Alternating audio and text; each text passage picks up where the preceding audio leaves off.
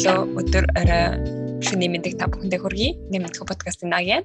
Мэдхүү подкастын ганаа байна. Бид хоёр ингээд дараагийн дугаараа хүрэхэд бэлэн болсон байна. Тэгээ та бүхэн гоё анхааралтай сонсоод үзээрэй. Өнөөдрийн сэдв маань их сонирхолтой сэдв байгаа тий. Тийм бас нэгэн сонирхолтой сэдв олж авсан байна. Нагагийн санаачилснаар би ингээд эхлэхийн төв ёо. За тэгээ бид хоёр энэ сэдвийн талаар ярихын тулд эхлээд хэлэх ёстой хүн болгон тохиолддог зүйл бол мэдээж хэрэг дотны хүн хүн ч юм уу найз нөхөд те тэр болгон маань бидрээс ерөөхдөө бол явдаг. Тэгээд нэгэн цагт эсвэл явах ч юм уу те тийм байгаа. Зарим хүмүүст энэ маань аль хэзний тохиолдчихсан ч гэж магадгүй. Тийм тэгээд одоо ийм хагцлын үед бид хэрхэн даван туулах одоо тухай янз бүрийн заавар зөвлөгөө ч юм уу тийм ном байхгүй шүү дээ. Тэгээд хүнд яг адилхан бас байхгүй. Аа. Одоо тэр үеийг даван туулах зөвхөн тийм тийм зам нь одоо зөв тийм зам буруу гэсэн юм бас байдгүй гинэ. Аа. Гашуудлал нас нөгөө хүн болгоны өөрийнхөө нөгөө хувьдаа ингээд дотоод сэтгэлдээ туулдаг маш өвөрмөц буюу одоо бидэнтэй ингээд өдрөө алхан тохиолдод байдаггүй туршлага юм байна л та ерөөхдөө. Аа. Тэгээд хэрвээ та эсвэл таны хайртай хин нэгэн хайртай нэгнээ алдаад тэр туулж байгаа сэтгэл хөдлөл насар их бөгөөд алдаад тэрэндээс авч байгаа сэтгэл хөдлөл маань ерөөхдөө аюу хэцүү хүнд санагдаж байгаа тий. Тэгээд өөрөө бас төрөг хэлж байгаа бэ цаашаа яах вэ? Ер нь тэр хүмүүнгөө бүхэл бот одоо нэг юм алга болчихжин гэсэн үг шүү дээ тийм. Аа гашуудалтай ерөнхийдөө бол дор хаяж таван сэтгэл хөдлөл холбоотой байдаг гэнэ л дээ. Аа тэгээд ерөнхийдөө сэтгэл хөдлөл яг энэ үед мэдрэх нь бол хамгийн энгийн зүйл хамгийн натурал буюу байгалийн зүйл тийм. Тэгээд байглаасаа л гаралтай хүн болгон л мэдрэх зүйл.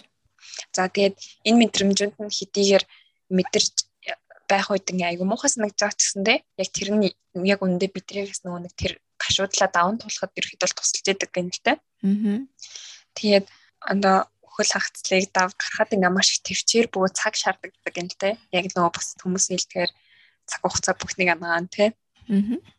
Өнөөдөр бид хоёр одоо тэр таван сэтгэл хөдлөлүүдийн талаар ярина. Аа үнэхээр бүр давж гармангөө хэцүү байх юм бол ерөөхдөө сэтгэл зүйч эсвэл бие биендээ туслах бүлгүүд нэг тийм группүүд байдаг штэ групп буюу бүлэг хүмүүс нийлээд ингээд адилхан асуудалтай хүмүүс нийлээд зовлонгоо хамт ярилцдаг. Кинон дэр ирэхэд бол харагддаг штэ.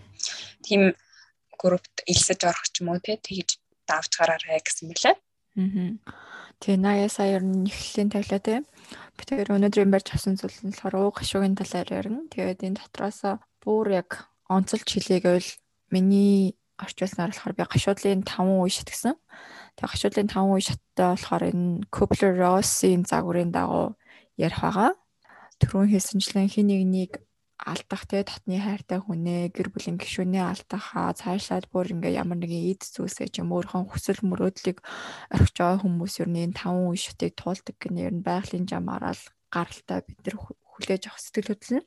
Аа энэхүү уу гашуудл юм уу тий ямар нэгэн зүйлийн алдсан дараах мэдрэмжийн сэтгэл хөдлөлийг судлахын тулд сэтгцэн эрүүл мэндийн маш олон эрдэмтэн судлаач одоо олон жилийн турш тий судалгаа ажиллагаа явуулсан байна л да. Тэгээд эдгээр эрдэмтдийн нэг болох сая хэлсэн нэг Kubler-Ross-ийн загвар гэсэн шүү дээ. Элизабет Kubler-Ross гэдэг Швейцар Америкийн сэтгэл зүй сэтгцэн эмчин а энэ загварыг яг тусгаалan гаргасан юм байна л да. Аахын загвар нь гарахтаа болохоор өхлийн 5 үешт гэж гарсан байх нь. Яагаад вэ гэхээр анх 1969 онд энэ Kubler-Ross гэдэг эмэгтэй тий On Death and Dying буюу өхөл ба өхлийн тухай гэдэг ном гаргаж ирсэн юм байна л та. Аа. Энэ юутай холбоотой байсан бэ гэхээр гашуудлын хамгийн түгээмэл одоо 5 сэтгэл хөдлөлтөй сэтгэл хөдлөл талаар судалгаа хийгээд ийм ном гаргасан юм байна. Аа. Яагаад өхлийн 5 шат гэж анх нэрлсэн бэ гэхээр анх судалгаа явуулахад амар хүнд идэвшгүй өвчтэй хүмүүстэй судалгаагаа эхлүүлж ажиллаж явсан юм байлаа уг эрдэмтэн маань. Аа. Эдгээр идэвшгүй өвчтэй хүмүүсийн те одоо өхлөөл хүлээж байгаа гэсэн үг шүү дээ. Өхөлтэйгээ нүүр тулахад одоо нэг өдөр өнгөрөх тусам одоо нэг алхмаар ойртож байгаа хүмүүсийн сэтгэл хөдлөл одоо бодож байгаа бодол ч юм уу те. Тийм нийтлэг түгээмэл зүйлүүдийг дата олгоо судалгаа олгоо явуулж хурааж аваад тэгээд нийтлэг 5 үшид гаргасан нь энэ тав байх нь л. Аа. Тийм тэгээд зөвхөн бас одоо хүлээ хүлээж байгаа биш. Одоо энэ жишээ нь хүнд өвчтэй боллоо гэдэг юм одоо анх эмчээс сонсож байгаа ч юм уу тэр үед бас тохиолддог гэсэн тий. Аа. Тэгэд анх энэ хүн намайг гаргаснаас одоо олон жилийн дараа Kubler Ross нь дахиад судлаачууд ч нөө нэг дахиад өмнө хийсэн судалгаагаа ч юм уу шинжилээд явах боломжтой шүү дээ. Аа. Тэгэж явах явж явахдаа болохоор энэ зөвхөн үхэлтэй холбоотой биш юм байна гэдгийг ойлгосон гэж аахгүй юу хүн маань. Энэ загвараа бүр өргөтгөөд одоогийн бит хоёрын ярих чагаа гашуудлын 5 үе шат гэдэг нэрлүү өөрчилсөн мэлээ. Өхлийн 5 үе шат гэдгээс илүү. Аа. Тэгээд би сая хэлсэнчлэн энэ гашуудл нь одоо маш олон төрлөөр ч юм уу тий маш олон өөр өөр шалтгаанаар шалтгааны үндсэн дээр үүсэх боломжтой нь л тий. Тэгээд хүн болгон л амьдралын айл нэг шатанд нь хайртай хүнээ ч юм уу тий татны хийнийг нэ алдах эсвэл бүр удаан зорьсон ч юм уу 10 хэдэн жил мөрөөдсөн мөрөөдлөө орхих ч юм уу тийм хөө зүйл гарч ирдэг. Тэр үедээ л хүмүүс ер нь нийтлэгдүү энэ таван шүтийг мэдэрдэг гэж хэлсэн мэлээ. Аа. Тэгээ бүр цаашлаад заавал бүр жинхнээсээ нэг хайрлж явдаг хүн ингээд өөд болох ч юм уу тий ингээд бие махбодоор ингээд хорвоог орох биш хин нэгнээс салж хаацах те бүр ингээд олон жил үерхсэн хайртай залуугаасаа ч юм уу хайртай эмэгтэйгээсээ эсвэл улаан удаан гэрэлцэн байсан хосууд ч юм уу салахтаа бас энэ үштийг давах магадaltaй гэж хэлсэн байлээ. Аа. Таван шата зүгээр товчхон таван нэрийн яваад хойлоо дийлэрэнгүү цааш нараа яриад явах уу? Аа. Тэгээд тэрний өмнө эхлээд хэлий нөө ууг гашуугийн таван шатыг туулах буюу тэр нь яаж мэдрэгддэг вэ гэдэг гэрчгтайгаар эхэлж байгаа тий тэр маань. Аа. Тэгээд энэ үеийг одоо туулах үед магадгүй одоо та яг одоо юу мэдэрч байгаа болон яг ямар үедээ одоо ямар шатанда байгаа ойлгох нь ерөөдөө тусалж болно гэнэ л дээ.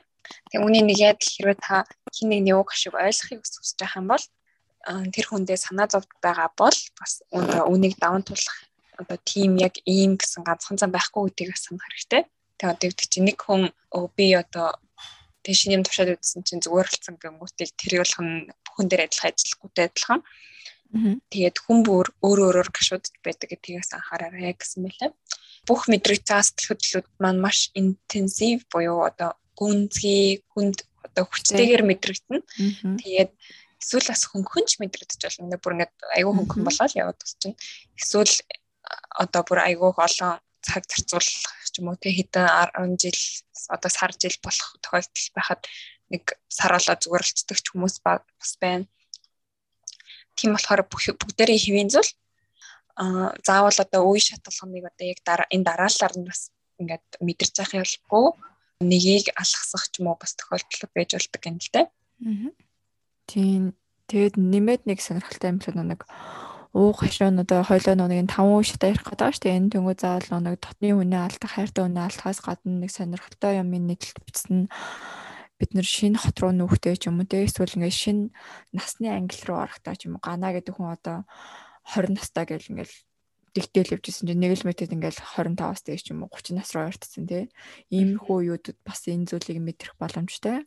Мөн одоо цар тахал гэж яриад байгаа. Тэгээ ковидын үеэр бүхэн болгон ингээд тусгаарлагдаа зөвхөн гэрээсээ ажиллаа ч юм уу гэрээсээ амьдраад татны хүмүүстэйг уулзахгүй байгаа тохиолдолд бас энэ хөө уу гашуугийн таван шат руу орох магадлалтай гэж хэлсэн байлээ. Аа. Тийм шүү дээ. Би ер нь яг нөгөө 29-ийн төгсгөл дээр нэг хүнээс анхаарч ирсэн юм байна. Бас л их хөргөө. Иморч ирсэн. Аа. Тэгээ яагаад ингэ бахан жишээ аваад байгаа гэхээр нэг ууг хашуун ямарч тийм тогтсон шалтгаан түрүүнаги чи хэлсэн шүү дээ тий. Тогтсон шалтгаан ч юм яг тогтсон замнал зөв буруу гэсэн юм байхгүй. Би зөвхөн яг юу мэдэрч ин яг тэрүүгээрээ л явах боломжтой гэд тодтогоо төгсөн мөлий. Тийм угаасаа хүсэж хүсэж байгаад одоо юу гэдэг чи iPhone 13 авсан чинь Монголд очсон чинь сөйлөлтчлээ тэмүүттэй яг хөцөл ингээд яг энэ тавыг туулах үе байдаг шүү дээ ерөөхдөө бол. Наа чи зөвөр миний жишээ явчихна. Харин тэгчлээ. За. Тэгвэл хан таван үе шата яриад явах уу? Аа. За эхнийх дээр нь чамд юу мэдрэгдэж байсан бэ? Яг энэ дээр яриа гэж бодсохгүй юу? Эхний үе шатнаа зөвөр denial буюу үгүйсэх байсан байхгүй юу? Би ингээ алдсан гэдгээ мэдчихэл ягаад ч буцаал олно гэж бодсон. Америкт олон жил хэцүү болохоор ч юм эсвэл ягаад ч ерөөсө сүүлийн хэдэн жилд гэж юм алдаж үзээгүй юм чинь. Ягаад ч юм эргээд олдох юм шиг санагдаад тийм байдалтай орог 7 хоног явсан гэж боддоо. Аа за энийхээ танилцуулга явах уу? Миний түүхч явах уу нэг тавчаа юм байлаа. Энэ болохоор зарим хүмүүст энэ магадгүй хин нэгэн эсвэл эд сүсээ алсны дараа хамгийн ихний хариулт гинэ. Яг би л ороод ирж байгаа байхгүй юу? Би бол өөрийгөө уцаа алдаагүй л гэж бодож байгаа шүү дээ тийм. Тэгээд энэ өгөөсгөл гэдэг систем нь одоо бидний сэтгэл хөдлөлнө шүү дээ тийм. Яг л нийтлэг биднийг өөрсдөө биеэ ингээ хамгаалах механизм гинэ. Юунаас хамгаалж байгаа хэрэг энэ танд одоо хор хөнөөлтөө эсвэл төвшүүртэй нөхцөл байдлыг шууд цочрлоос биеэ хамгаалахад тусалдаг гинэ. Одоо уцс гэхэд ингээд тухайн үед надаа ингээ амар том зүйл юм шиг те дөнгөж шинэ уц авцсан Монгол буцаад ирсэн байхад алдангууд санагцсан ч гэсэн одоо өөр зүйлтэй харьцуулбал миний хайртай дотны нэг хүн одоо өөд болоод ч юм уу те насаа эцэслээд би энэ мэдээг авах авахгүй шуудаар ингээ хүлээж аваад өгөөсөхгүй байлаа гэдэг шууд шуудаар хүлээж авангууд миний би одоо шууд ухаан алдах ч юм уу тэгээ шокийн байдалд орох боломжтой бол а өгөөсгөж хүлээж авснараа бидний бие мах бидийг удаанаар тий яг ингээ удаанаар коп буюу ингээд хүлээн зөвшөөрөхөд тусалдаг нэг үе шат юм байна л да. Тэгээд э, яах вэ гэхээр энэ нь болохоор шууд л нэг алдсан тэр зүйлийнхаа тэр хүнийхээ талаар эргэлзэж эхэлдэг гинэ. Энэ яг худлаахаа гэл тий энэ дээр яг гурван жишээ орж ирсэн байлаа. Эхнийх нь болохоор хэрэг та хайртай дотны үний алдаад энэ хүн нөхцөл байдалтай нүүр тулж байгаа бол та магадгүй хин нэг нь одоо өөрлөө буцаа залгаа тий. Өө буруу үний мэдээлэл өгсөн байна. Энэ хүн амьд байгаа шүү ч юм уу тий. Эсвэл тухайн хүн тань руу за за мен чин тоглосон юм аа мен чин зүгээр эрүүл сарвал байгаа ч юм уу тийм нэг худал мэдээллийг хүлээж эхэлдэг гинэ өөртөө. Аа. Хоёр дахь жишээ нь болохоор хэрэг та хин нэгнээс салсан нөө ингээд хайртай татны татны ч шүү үргэжсэн залуугаас би ч юм уу ингээ хаягдлаа шүү дээ. Би ч хайж байгаагүй л дээ. За манай гана хаягдж байгаагүй гинэ. Ингээд нэг залуу ч ингээ надаас саллаа гэж хэлэнгүүт л би эхлээ шууд үгүй одоо энэ хит хоногийн дараа харамсаа над руу буцаад ирэн ч юм уу тийм хоосон хүлээлттэй болж үүсгдэг ахна. А гуравт хорж ирсэн жишээ нь болохоор хэрвээ та ажилласаа халагдсан бол тэ одоо захиралч ингээл нэгэн буруу ихэрч одоо юм шиг юм ажилтнаар яхан чамайг одоо халлаа гэж хэлсэн бол гэртээ арай л буцаа бодог халдаа манай захирлын уур нь гараад намайг буцаад дуудана ч юм уу тий. Би уурандаа алдаа ээжээ буцаад ажилдаа ороо ч юм уу тиймэрхүү юм худлаа хүлээлтүүдийг хүлээж эхэлдэг гинэ үгүйсгээ тэрэндээ бодит байдалтай эвлэрэхгүй. Тэгээд ингэж анхны үгүйсгэлийн дараа им 8 буюу ингээд ямар ч мэдрэмжгүй мэдрэлгүй байдал руу шилждэг гинэ. Аа. Ингээд гинэл нэг юм алдсан байхаар чи ингээл бид ингээл эхлээл үүсгэснээ сүүл рүүгээ юу илээ нэр одоо би маргааш ажилдаа явахгүй би яах вэ ч юм уу эсвэл над дээр одоо би уцгүй болцсон ингээ хамаг юмны пассворд энэ ч юм уу тэгээ сэжлээгөө би одоо яах вэ ингээ нэг хэсэг шокинг байдалд орд юм байна л да. Аа.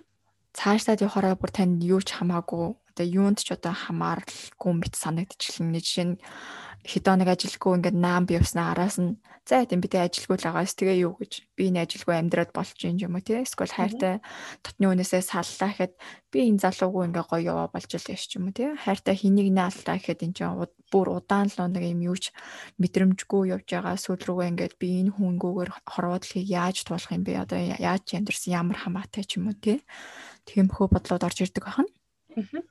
Юу ч хамааралгүй явсан шүү дээ нэг хэсэг.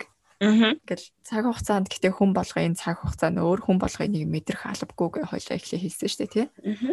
Энэ хугацаа жоохон удаан үргэлжлээд явахаараа таны мэддэг мэддэг байсан амьдрал шал өөр санагдана түрүүн ойлож хэлсэн чинь хайртай хэний алдсны дараа одоо юу ихлээ яах вэ гэж эргэлзээл юу ч утгагүй санагснаа. Сүүл рүүгээ бодод эргээд яг нөгөө хуучин амьдралтаа орохонгод мэдээж нэг хайртай хүний бүхлөтэн том орон зай байхгүй болсон ч юм уу тий?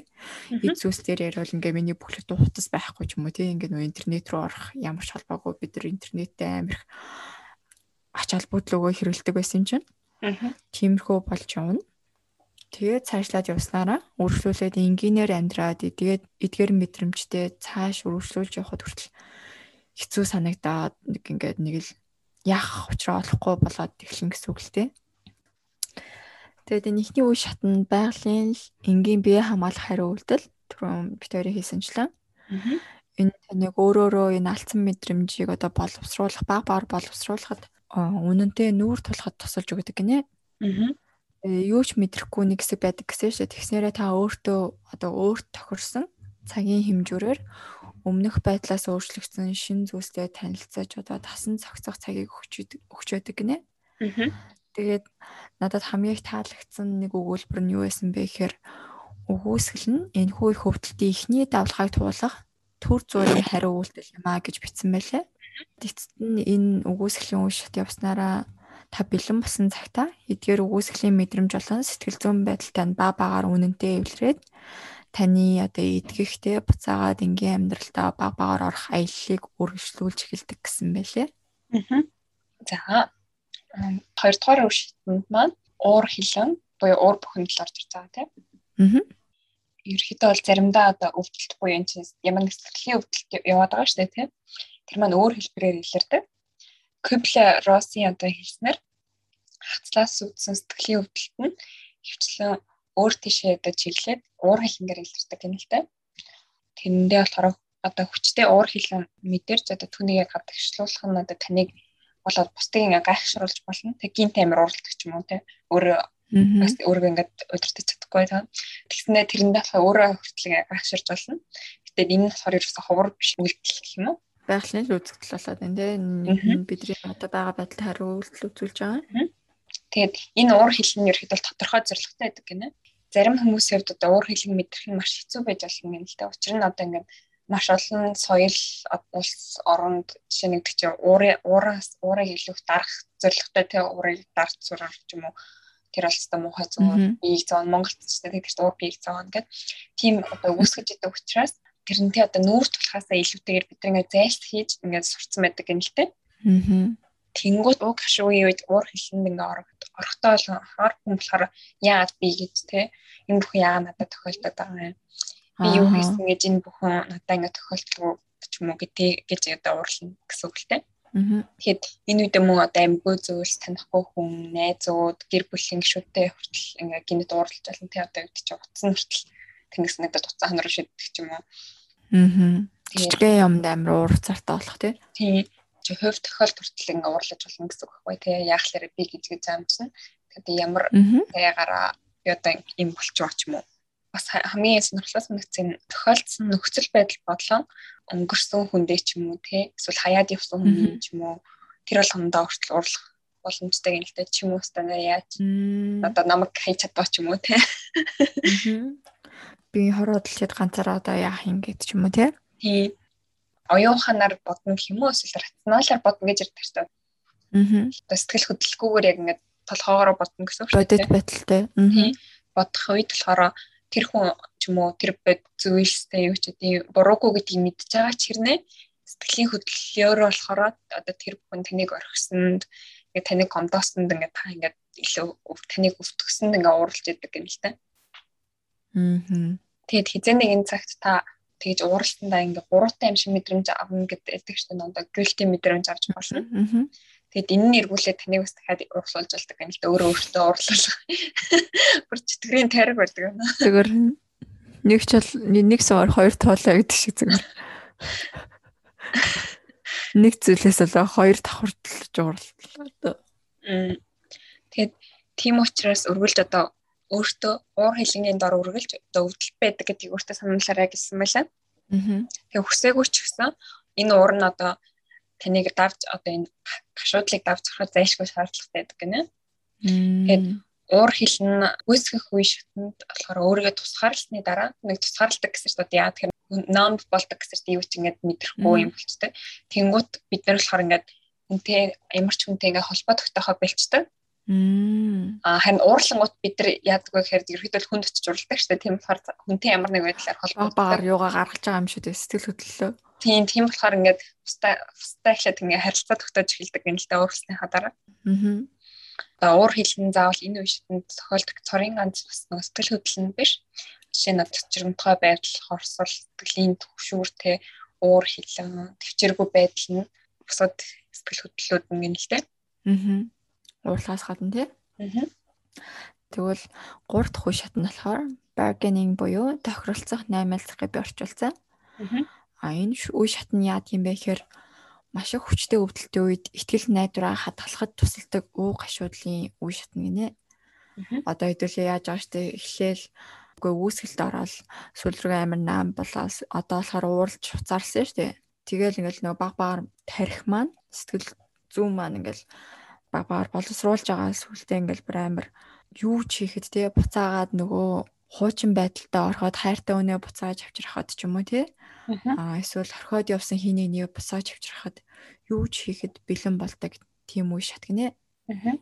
Тэгээд энэ үнээсээ болоод юу ч золиослоход бэлэн одоо 100 сая төгрөг дансандан байлаа. Гэхэд энэ зүйлийн төлөө бараг 200 сая төгрөгийг ч юм өгөхөд бэлэнтэй ингээд зүгээр тоо тоотой харьцуулбал эсвэл ингээд тэрүүний төлөө өөрөө ингээд өгөхөд бэлэн ч юм уу тиймэрхүү байдалтай ордог гинэ. Аа. Тэгээ энэ хүү дотоод зөрчлийн үеэр хэрэг ингэсэн бол эсвэл хэрэг зөвхөн л би одоо тэр нэг дуудлагыг авсан бол ч юм уу тий хэрэг би одоо уцаа гартаа барай явжсэн ч болж юм уу тий ингээд би нөө нэг амар эсрэг тесрэг юм хэрэгээр ингээд харьцуулаад яриад байгаа шүү. Зөвхөн ингээд дандаа хүнд талыг ярихгүйгээр гэсэн үгүүдээр одоо болоод өнгөрсөн зүйлсийг өөрчлөх тухай бодож эхэлдэг гинэ. Гин буруутай байх нь энэ үе шатанд дагалтах одоо сэтгэл хөдлөл болж орж ирдэг гинэ. Түрүүн хоёлаа нэг гин буруутай гэж суурлах үеэр орж ирсэн шүү дээ. Ууралж байгаадаа гин буруутай санагддаг гэдсэн. Тэгээ гин буруутай байх нь энэ шатанд энэ үе шатанд дагалтах сэтгэл хөдлөл болоод орж ирд юм байна л да бас л.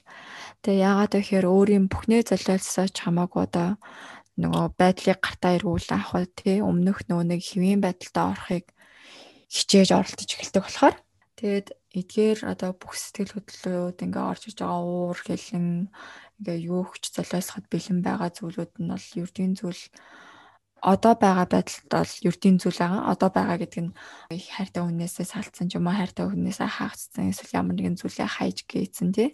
Эсвэл хүсэл мөрөөдлөө орхио явцсан байгаа зүйл бол ердийн зүйл таны байгаа байдал бол ертөнцийн зүйл байгаа. Гэтэ нэг бүхнээ золиослоход бэлэн байгаа байдал ч юм бол ертөнцийн зүйл ерөөсөө биш юм аа. Энэ бол зүгээр л төр зүрийн сэтгэл хөдлөлийн нэг хэлбэр шүү гэсэн байлээ. Тэгчнээ одоо ингээд бүр хамгийн оройн үедээ хойлоо ирчээд байж тээ бүх зүйлийг эргүүлэхэд бол одоо хамгаа золиослоход бэлэн байгаа үе гэхээр. Тэгээ энэ бол амар хэцүү санагдаж байгаа ч гэсэн бодит байдалтай нүүр тулахад тусалж байгаа. Эдгэгт чинь тусалж байгаа нэг үе шат шүү гэдгийг санаарай гэсэн бэлээ. Аа. За. Тэгээд энэ үе шат усны дараа ч юм уу те хэдэн нэг хүмүүс маань эргээд тэгэл готролтой орж эхэлдэг юм л да. Аа. Дөрөвдөх үе шатн тий. Аа. Тэгээд энэ үе шатндаа болохоор сэтгэлийн гутрлыг янз бүрийн аргаар мэдэрдэг юм л да. Аа. Тэгээд энийг бас нөгөө өмнө хэлсэн шиг зүг дахиад одоо энэ зам одоо ингэж гарах юм бол зөв тийм гэх юм бол буруу ч юм уу гэх юм байхгүй. Яг хүмүүс өөрөөхөө бас тавьж туулна. Бас хамгийн чухал зүйл нь болохоор энэ үед одоо тохиолж байгаа сэтгэлийн хямрал буюу одоо энэ сэтгэлийн гутрал нь ерөөсөө тэр хүний сэтгцэн эрүүл мэндийн байдлыг тодорхойлж өгөхгүй. Харин энэ зүгээр яг тулаамжгүй хэвийн байглаас ингээд зохицолцсон зохистой хариултал ахгүй юу гэдэг чинь. Одоо яг үнэхээр ямар ч тиймэрхүү ахц ч юм уу тийм ямар нэг юм уу хайж гээгүй хаягдаагүй сэтгэлийн хямралтай хам бол одоо энэ бол үнэхээр яг сэтгэлийн готрол юм а гэж болохоч энэ үе нь болохоор яалтчгүй зүгээр төр зур мэдрэгдээ. Тэгээ нэгээ давж тулахад ингээ гарч ирж байгаа сэтгэл хөдлөл гэсэн. Тэгээ сэтгэл готрлын үе шатнд та одоо байгаа бодит байдал болон эсвэл учирсан гарц буюу одоо энэ хацлын зайшгүй байдалтай нүүр тулж эхэлдэг юм л дээ. Тэгээд энэ ухаарлал нь нөгөө хүнээ маш ингээд их уйтгаргүй нэг цохролт болчихгүй ойлгомжтой гэдэг юм л дээ. Угаасаа л төсөөлө бодоход хэцүү байдаг. Аа. Доошоо газар хатууд дэшээ тэнгэр хол санагдаж эхэлнэ гэсэн үг л дээ. Аа. Энэхүү одоо хүчтэй уйтгаргүй нь таныг бусад талаараа өөр мэдрэмж төрүүлэхэд бас хүргэж болцсохгүй та дараах зүйлийг мэдэрч эсвэл дараах шинж тэмдэг гарч болно дээ. Үүнд нь болохоор ядарсан, эмзэг, төөрөлдсөн болон анхаарлан сарнсан, хурдан сарнсан.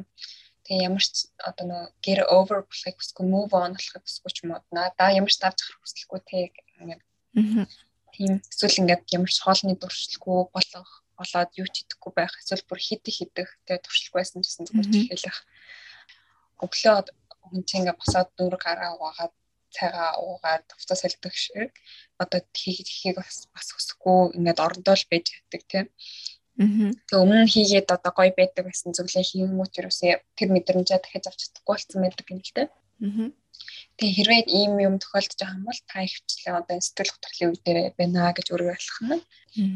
Энэ төрүүлсэнчлэн бас төр зургийн тэгээ уг гашуудлын үед үед явуулж байгаа шууд хариулт юм гэнэ л дээ.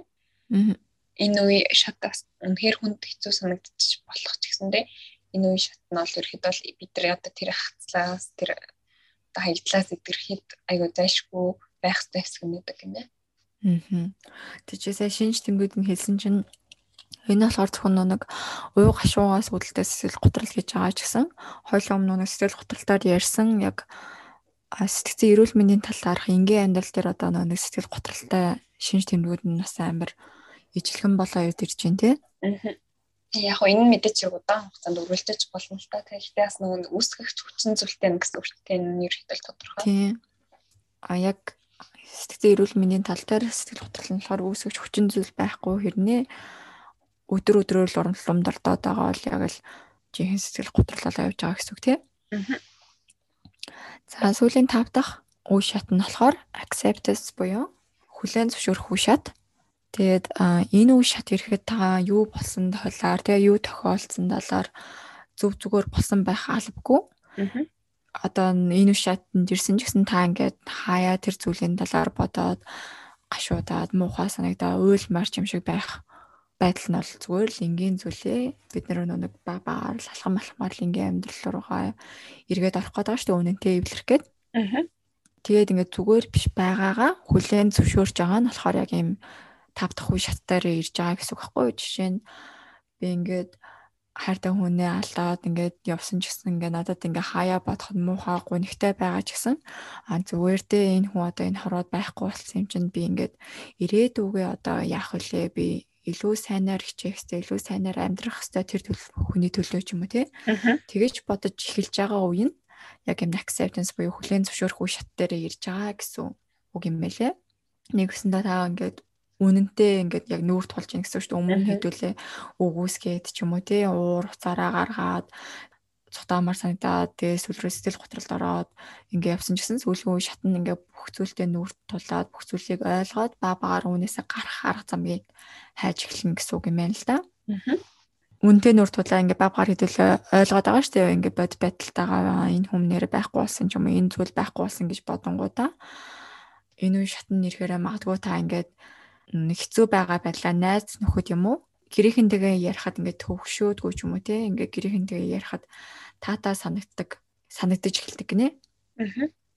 Тэгээ түрүүн хэлсэнчлэн та эргээд л үгүйсгээд эсвэл юугаар ч хамаагүй нөгөө байдал руу буцаад авчрах авчирмаар ч юм уу нөгөө 1 2 3 4 дгээр үе шат руу орох боломжтой.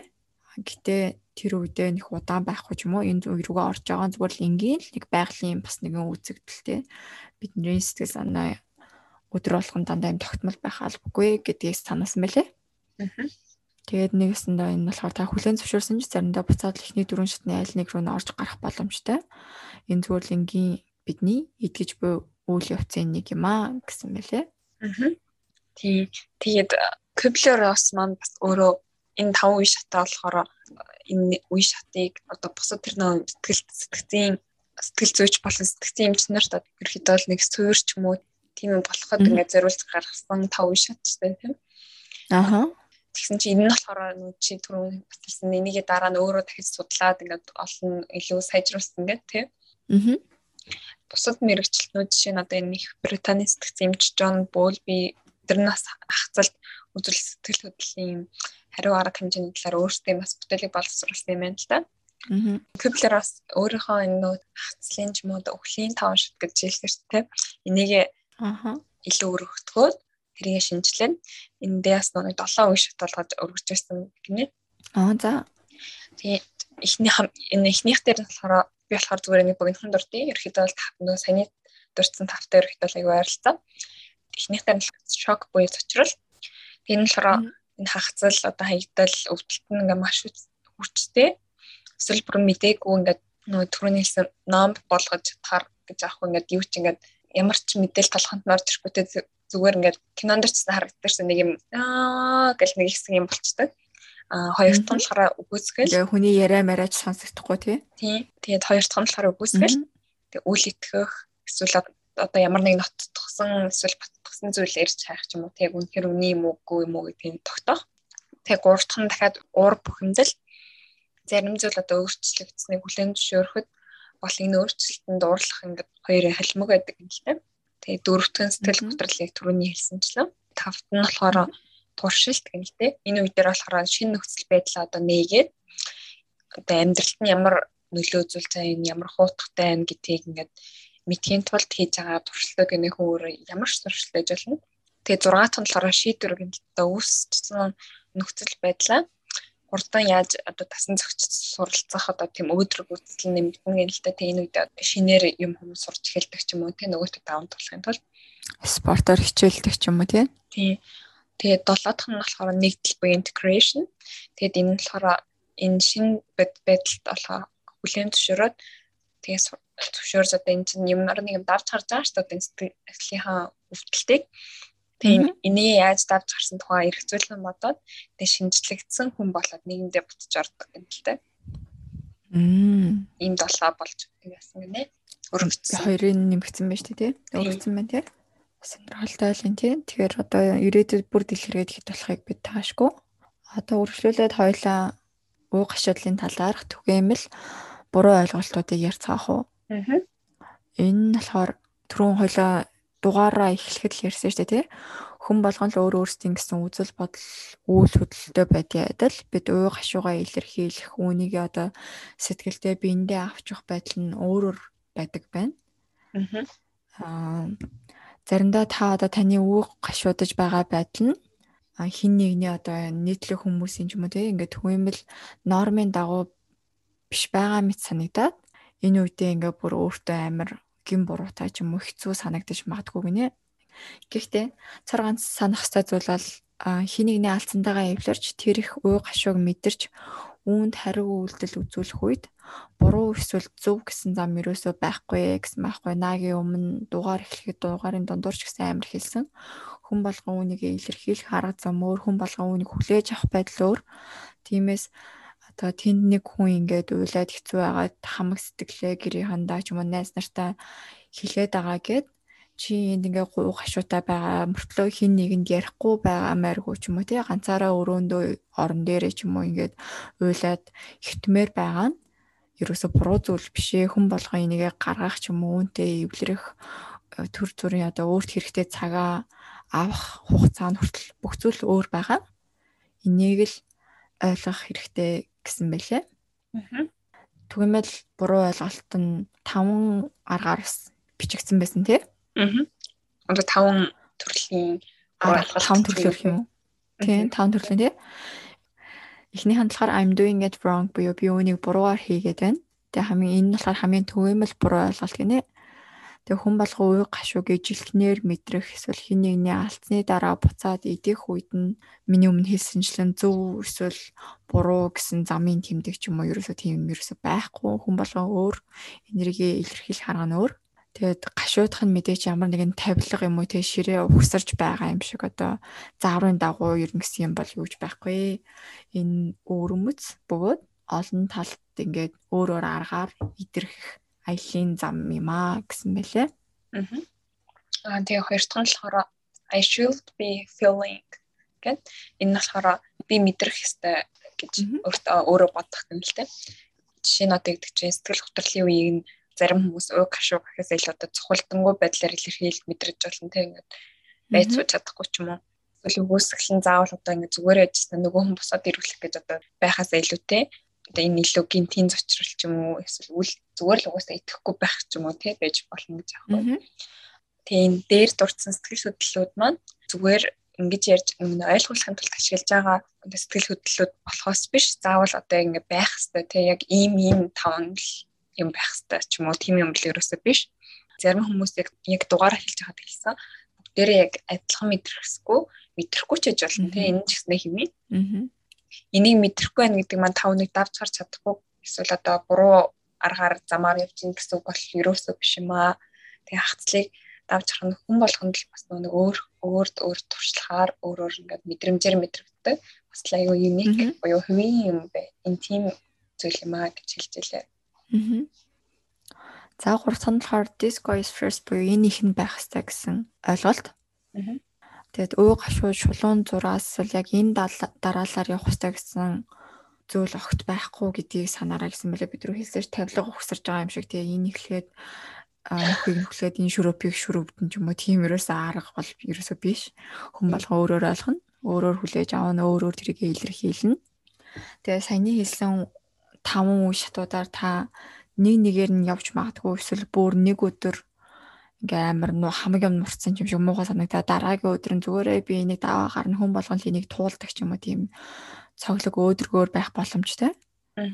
Тэгээд ингээ яг л эсвэл өдөр болгон ч юм уу өдөрт энэ байдал нь 10 удаа давтагдах ч юм уу энэ тэнд хүсчээд өөр байх боломжтой бөгөөд энэ зүгээр л хэвийн үзэгдэл зүгээр л өөртөө цаг өгөөрэй гэсэн мэлээ. Тэгээд цаашлаад өгөөсгөл хүртэл таны эхэлж заавал мэдрэх мэдрэмж үе шатны нэг хэсэг байх албагүй гинэ. Хойлоо нөө ихний үе шат нь болохоор нэг denial буюу өгөөсгөл гэсэн шүү дээ. Тэгсэн чинь заавал ихэнд та ихэнд энийг мэдрэх албагүй. Магадгүй таны ихний үе шат ч одоо уур хуцаар ч юм уу тий эсвэл шууд сэтгэл готролуучсан орох боломжтой юм а гэсэн байлээ. Тийм дөрөвдөх нь болохоор it's taking too long буюу энэ хэтэрхий ингээ удаан үргэлжлээд байна тий. Аа энэ болохоор хацлыг одоо даван тулах нь төвний хувийн ингээ онцгой туршлага гэж түрүү хэлсэн шүү дээ бид тэр өвөрмөц гэж. Тэгээд хэр удаа өвөрслөх нь айгу олоочин зүйл хэлэлдэг юм л дээ. Тэгээд зарим хүмүүс одоо гэдэг чи хит хоног болоод шуудаа дуустдаг. Тэгээд зарим нь ингээд хэдэн сар жил болдог ч юм уу. Тэгээд одоо гэдэг чинь тийм дедлайн буюу одоо яг тодорхой заасан хугацаатай биш дээ. Одоо гэдэг чи би за би 2 сар гэх шуудаа л болоо ч юм уу тий гэсэн хугацаа заахгүй Тэгээд ерөөхдөө бол тийм өөртөө би яг 2 сарын дотор ерөөхдөө зүгээр болно болно гэж ингээд хугацаа заахгүй байх нь илүү өөрт нь ашигтай юм л та. Тэгээд уг гашуудлын үедээ та сэтгэл хөдлөлүүдийн заримыг нь хүчтэйгээр тэгээ бас удаанаар ч юм мэдрэх боломжтой. Цаг хугацаа өнгөрөх тусам хүч нь ерөөхдөө бол ингээд буурж идэг юм байна л та. Тэгээ баг багаар хэрвээ цаг хугацаа өнгөрсөө яг адилхан ингээд хүчтэй тийм амар хүнд санагдаад аль эсвэл бүр илүү ингээд тэр нь илүү хүнд илүү хүчтэй болж ирж байгаа юм бол ирэхэд бол мэрэгжлийн хүн хайхан зүг шүү гэсэн мэлээ. Аа. Тэгээ сүүлийн юм буруу ойлголт нь болохоор I'm depressed буюу би сэтгэл готрол орсон тий. Би одоо гутарсан байна гэж аахгүй юу. Тэгээ мэдээж нөө гашуугаа давхгаа явж явах үед Нагийн хийсэнчлэн хүн болгон сэтгэл готролт ч юм уу орно. Гэтэ энэ яг clinical depression гэдэг аахгүй энэ болохоор яг эмнэлзүүн те сэтгэл готрлаас өөрөө хэдий зарим шинж тэмдэгний ижил ч гэсэн а цаг хугацаа явахын хэрээр одоо энэ уух гашуунаас үүдэлтэй сэтгэл готрол нь баг багаар айлаад илүү өөдрөг энэ сэтгэл готрлын талаар мартагдах боломжтой бол яг clinical depression буюу эмнэлзүүн энэ сэтгэл готрол нь болохоор цаг хугацаа явахын хэрээр энэ бүр амар хэцүү болоод өдөр болгон ингээд яаж өнөөдрийг барандаа ч юм уу тий гонигтай байдал ч юм уу бүр хэцүү бохлох боломжтой. Мэдээж энэ зүйлийг даваад гарлаа гэж утсан ч гэсэн ингээд сэтгэл готролтой ч юм уу муухай санагдаад байвал мэдээж мэрэгжлийн хүнд хандах хэрэгтэй. Уух шуугаас үүдэлтэй сэтгэл готрол нь одоо clinical depression буюу сайн хэлсэн эмнэлэг зүйн сэтгэл готрол руу орох магадaltaй бас байгаа гэсэн мэлээ. За тийм дараагийн одоо битэрийн ярих хэсэг маань ерөөхдөө хизээ тусламж хүсэх вэ тий хизээ би тусламж хайх вэ гэсэн. Тэгээд хэрвээ та ингээ маш их үг шүү мэдрээд тэрийн хэрхэн даван туулахаа мэдхгүй эсвэл даван туулах гэж өөрөө оролцсон ч гэсэн ингээ тэр нь ерөөсөө урагшлахгүй өөрөө улам ингээ хэцүү байх юм бол мэдээж хэрэг тусламж хүсэх нь бас тэргээгээд танд туслахаас гадна илүү их тайтгаал бас дэмжлэг болж өгч чадна гэсэн байлаа. Тэгээд ямар ч одоо шалтгаан тусламж шалтгаан юм шүү гэсэн мэлээ заавал өнд хүчээр хэцүү тултлаа явуулна гэсэн үг бол биш. Тэгээ ямар ч үедэн тусламж хүссэн таал зүгээрээ гэсэн мэлээ. Тусламж хүсч болох тохиолдлуудад дараах хэдэн зүйлсийг нэрлэе. Эхнийх нь болохоор хин нэгэн сургууль болон ажилдаа буцаж очиад ингээ өдөр тутмын ажиллаа хийхэд нь хүндрэлтэй хүндрэлтэй байх. Тэгээд үргэлжлүүлж одоо тэргээ хийж чадахгүй байх гэсэн үг. Одоо жишээ нь анхаарлаа төвлөрүүлж чадахгүй, оюутан байх юм бол хичээлээ хийж чадахгүй, эсвэл ажилтсан байх юм бол ажиллаж чадахгүй гэдэг чинь ажилттай байран дээрээ бас асуудалтай байна гэсэн үг л дээ. Тэгээ хоёр дахь нь болохоор та өөр хин нэгний цорын ганц эсвэл гол асран хамгаалагч эсвэл дэмжлэгийн их усүр байх байх гэнэ л дээ. Энэ нь болохоор жишээ нь ганц бицэг их ч юм уу тэг хин нэгнийг эсвэл ингээд мөнгө өгдөг ч юм уу өөрөө мөнгөний их усүр болоод та ингээд мөнгө шилжүүлдэг гэсэн чинь эсвэл хоёр талаас мөнгө шилжүүлдэг гэсэн чинь тэр хүн ингээд алгуулчихгоо та бүгднийг өөрөө би дагаад болно. Тийм. За тэгээ гурав дахь нь болохоор та бие махбодын таагүй байдал эсвэл өвдөлтийг ингээд мэдэрч байгаа юм бол хэлдэ бүр ингээд таагүй байдалд ороод тийм. Дөрөвт нь болохоор та босох эсвэл бүр юу ч хийх хийх хүсэлгүй байгаагаас болоод хоол идэхгүй байх ч юм уу эсвэл өөрийнхөө эмээ олж уухгүй байх үгүй гинэ. Тэгээ дараа нь цаг хугацаа өнгөрөх тусам яг нөө түрүүн хэлсэнчлэн уурахгүй харин эрчимж яах юм бол тусламж туслая гэсэн. Тэгээ хамгийн чухал зүйл нас нөө өөрийгөө болон бусдыг гэмтээх санаа сэтэл төрөх юм бол зүгээр шууд л очиад тусламж хүсэх гэсэн мэлээ тэр. Аа. Тэгээд тусламж хүс гэдэгт нь бас мэдээж мэрэгжлийн үнд хандах байгаа тий. Тэрнээс гадна бас нэг орж иж байгаа зүйл нь болохоор найз нөхөд гэр бүлийнхэнтэйгээ ярилцах гэсэн мэлээ. Өөрийнхөө одоо ямар байгаа байдлаа жишээ нь би өнөөдөр ерөөсөө орноосоо босмооргүй байлаа. Надад одоо ч гэсэн хэцүү байна ч юм уу тэр талаараа найз нөхөд хамаатан садан гэрийнхэнтэйгээ ярьснараа та өөрөө сэтгэлээ хин нэгэнд дуудлаад бага хэмжээний ч болохоо тайтгалыг мэдрэх боломжтой. Гэхдээ хүн болгон ижлэх юм биш гэж хэлсэнчлэн зарим хүмүүс ингэж ярьснараа ингээд тайлбарлалыг мэдэрдэг бол одоо наад шиг ч юм уу ингээд дотгошон хүн ингээ хин нэгэнд ерөөсөө юуж гаргаж чаддгүй зүгээр ганцаараа байхыг хүсдэг. Одоо энийг юу гэж хэлсэн байна вэ гэхээр silent campaign гэсэлээ. Зүгээр хин нэгэнд ингээд нэг үгээр надаа муухай байна гэтээ би ингээд хэлэхэд бэлэн биш байна ч юм уу тийм хүү зүйлээ хэлээд зүгээр л ингээд чиний хажууд хин нэгэн байгааг мэдэрснээрээ энэ нас тань амар их тайдаглыг өгнө гэсэн байлээ. Тэгээд ингэж өөрийнхөө байдлыг өчүүхнэрч болохоо илэрхийлснээр таны татны хүмүүс таныг бага зэргээр ойлгоход ч юм уу тий илүү их санаа тавиад хүнд одоо өөрийгөө зөөр ойлгох ойлголтыг өгснөөрөө магадгүй хин нэгэнтэй үйл ойлголцол үүсэх юм уу тий тийм зүйлээс хамгаалж өгөх байгаа. Тань тавьширлыг өгөхөөс гадна А дараагийн зүйл нь болохоор энэ гадаадад нэлээх байдал юм шиг Монгол ер нь их байдгүй байх гэж хойлоо ер нь яриад байгаа. Энэ болохоор support groups буюу дэмжлэгийн группүүд те. Өөртөө чи ижлэгэн байдал байгаа хүмүүстэй уулзаж ярилцах, видео колл хийх ч юм уу эсвэл зүгээр мессеж бичих ч гэсэн танд маш том дэмжлэг болж өгдөг гинэ. Тэгээд да ялангуяа одоо ингээд хин нэгэн дотны үндэ ч юм уу байгаа байдлаа хэлж зүрхлэхгүй ч юм уу тэр үний санааг зовох зовоох үедээ гэж айсаа айцаасаа болоод бүр ярихгүй хэцүү бачимдаад байгаа үйл ийм өөртөө ижил нөхцөлд байгаа хүмүүстэй хамгаа уудлаа ярьснараа нөө таны дотоох дотор байгаа зовнил санаа зовл ингээ хэцүү байгаа байдлыг багч гисэн хомсолж өгөх боломжтой байх нэ. Аа. Дараагийн болохоор мэдээж сэтгцэн эрүүл мэндийн мэрэгчлэнүүд тандах тий. Тэгээ өө гашуудлын үеийн зөвлөгөө бол хэмжлэг нь. Энийг давж гарах хамгийн том хоёр чухал зүйл болж өгнө. Энийг мэдээж хэрэг юм боловсралсан профешнл буюу мэрэгжлийн хүмүүс хийх болно. Дахиад сэтгцэн эрүүл мэндийн төвийн утасны дугаараа хэлье. 7015 55 20. За. Сүүлд орж иж байгаа бит хоёрын жижиг сэдв бол а ууг хашууд байгаа хүнд хэрхэн туслах вэ гэсэн жижигэн зөвлөгөө орж ирсэн байгаа тийм. Тэгээ хэрөө ууг хашууд байгаа хүндээ яаж туслах вэ мэдэхгүй байгаа бол энэ зөвлөгөөг дагаарай нэгдүгээрт орж иж байгаа зүйл нь болохоор зүгээр сонсох гинэ. Тэгээд нэг Elizabeth Kubler-Ross гэдэг манай энэ таван үе шатыг гаргаж ирсэн сэтгэл зүйч байгаа шүү дээ. Энэ хүн хэлэхдээ хамгийн чухал зүйл бол одоо уух шууд байгаа хүн туслах хамгийн чухал зүйл бол зүгээр сонсох гэсэн байлээ. Аа. Мэдээж тань ингээ хамгийн ингээ сайн сайхныг хүсээ тэр хүнийг ингээ тайлбарлахын тулд ингээ сайхан тайлбарлалын үгнүүд хэлж магадгүй. Гэтэ заримдаа Гэхдээ заримдаа хамгийн шилдэг одоо хийж чадах зүйл нь бол чи юу ч хэлэхгүйгээр тэрүүний хайжууд тэрүүнийг зүгээр сонсоод байж их зөв шүү гинэ. Гэтэ энэ болохоор заавал тэр хүнийг хүчээр яриулах гач юм уу тийм зүйл биш. Тэр хүн ярмааргүй бол хажууд нь зүгээр ингээд хамт сууж идэх ч юм уу тий чимээгүй хойлоо эсвэл тэр хүн ярих зөвхөн хүсэлтэй байгаа үед нь тэр хүнийг яриулангаа хажууд нь чимээгүйгээр сонсох нь хамгийн том дэмжлэг болж өгдөг гэсэн мэлээ. Аа түрүүн хийсэнчлэн хин нэгэн одоо жишээ нь би ч юм уу тий наги мэтэндээ бирөөсөө юм ярих дурггүй ингээ хүнд хэцүү ч юм уу гашууд байгаа үед. Тэр үед нь болохоор заавал ингээ хүчээр ярих га ч юм уу тий эсвэл чи надаа ярихгүй ямар сони ингээ бараг үүдсэн зарим хүмүүстэй уурлах гэдэг нь штэ.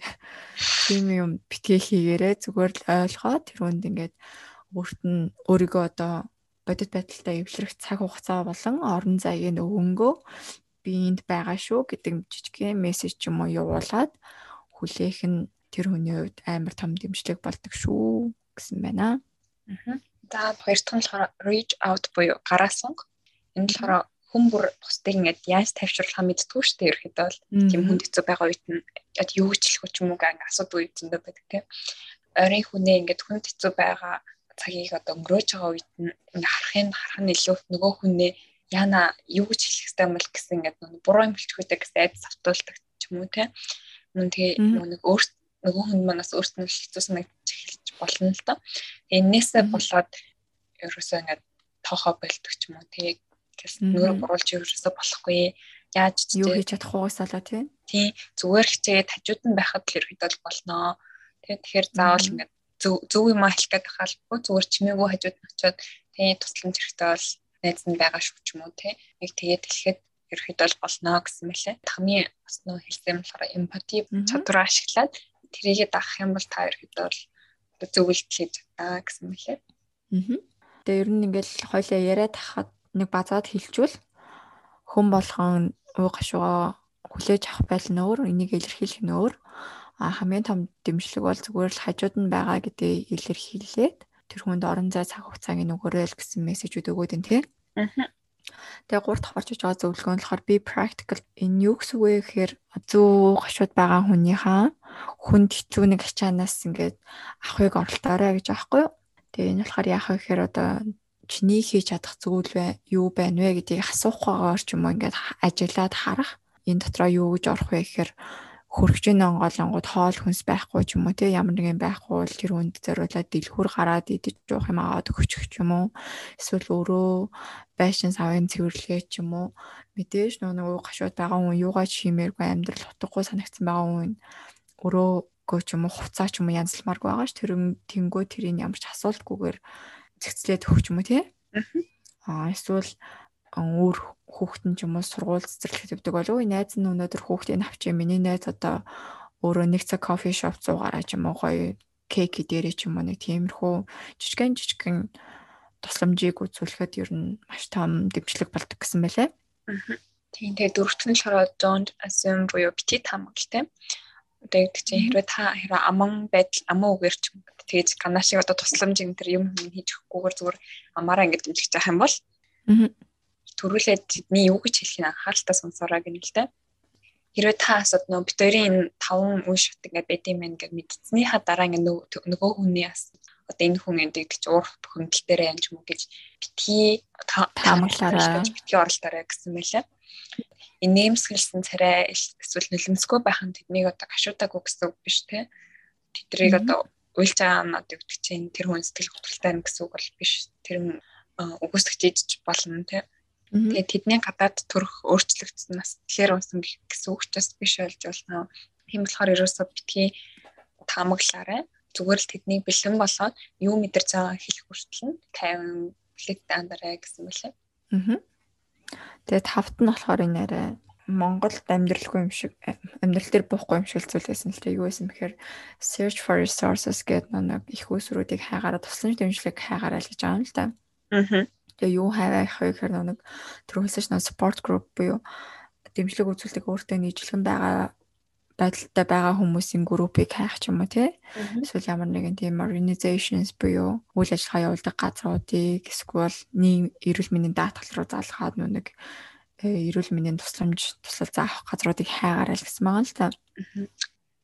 Тэгээд энэ яаж байгаа гэхээр нэг бүр л нөгөө хүнээ хараад юу ч хийж чадахгүй хэцүү ч юм уу тий сэтгэл готрол нь бүр гүнзгий орцсон ч юм уу байгаа бол иймэрхүү аргаар туслах боломжтой.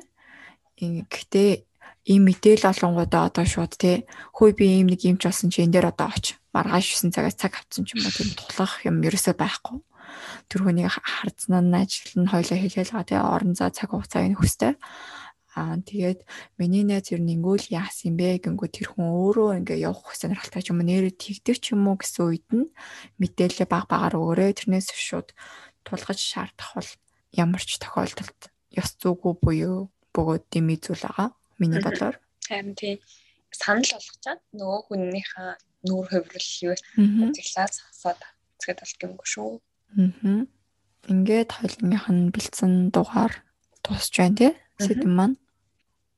Тийм энэ дугаар дээр амар юм яриад би ойлгох гэсэн яагаад модогоор тийм сэтгэл зүй байхгүй юм чи ядарсан байгаа юм бол магадгүй хамгийн муухай хүн болгоны энэ үеийг даах хэрэгтэй байдаг тийм энэ үндсэн дээр бит хоёрын дугаар нэг хүнд ч болтоход тус нэмэр болсон болов гэж найдаж байна. За тий өнөөдрийн дугаар таалагдсан гэж найдаж байна. Тэгээ бидний дугаарыг анхааралтай сонссон та бүхэнд баярлалаа. Дараагийн дугаар дээр төр уулзтлаа баяртай. Мэдээж сошиал медиа дээр биднийгээ дэмжиж сэтгэлээ харамгүй илгээгээрэй. Төр баяртай. Баяртай.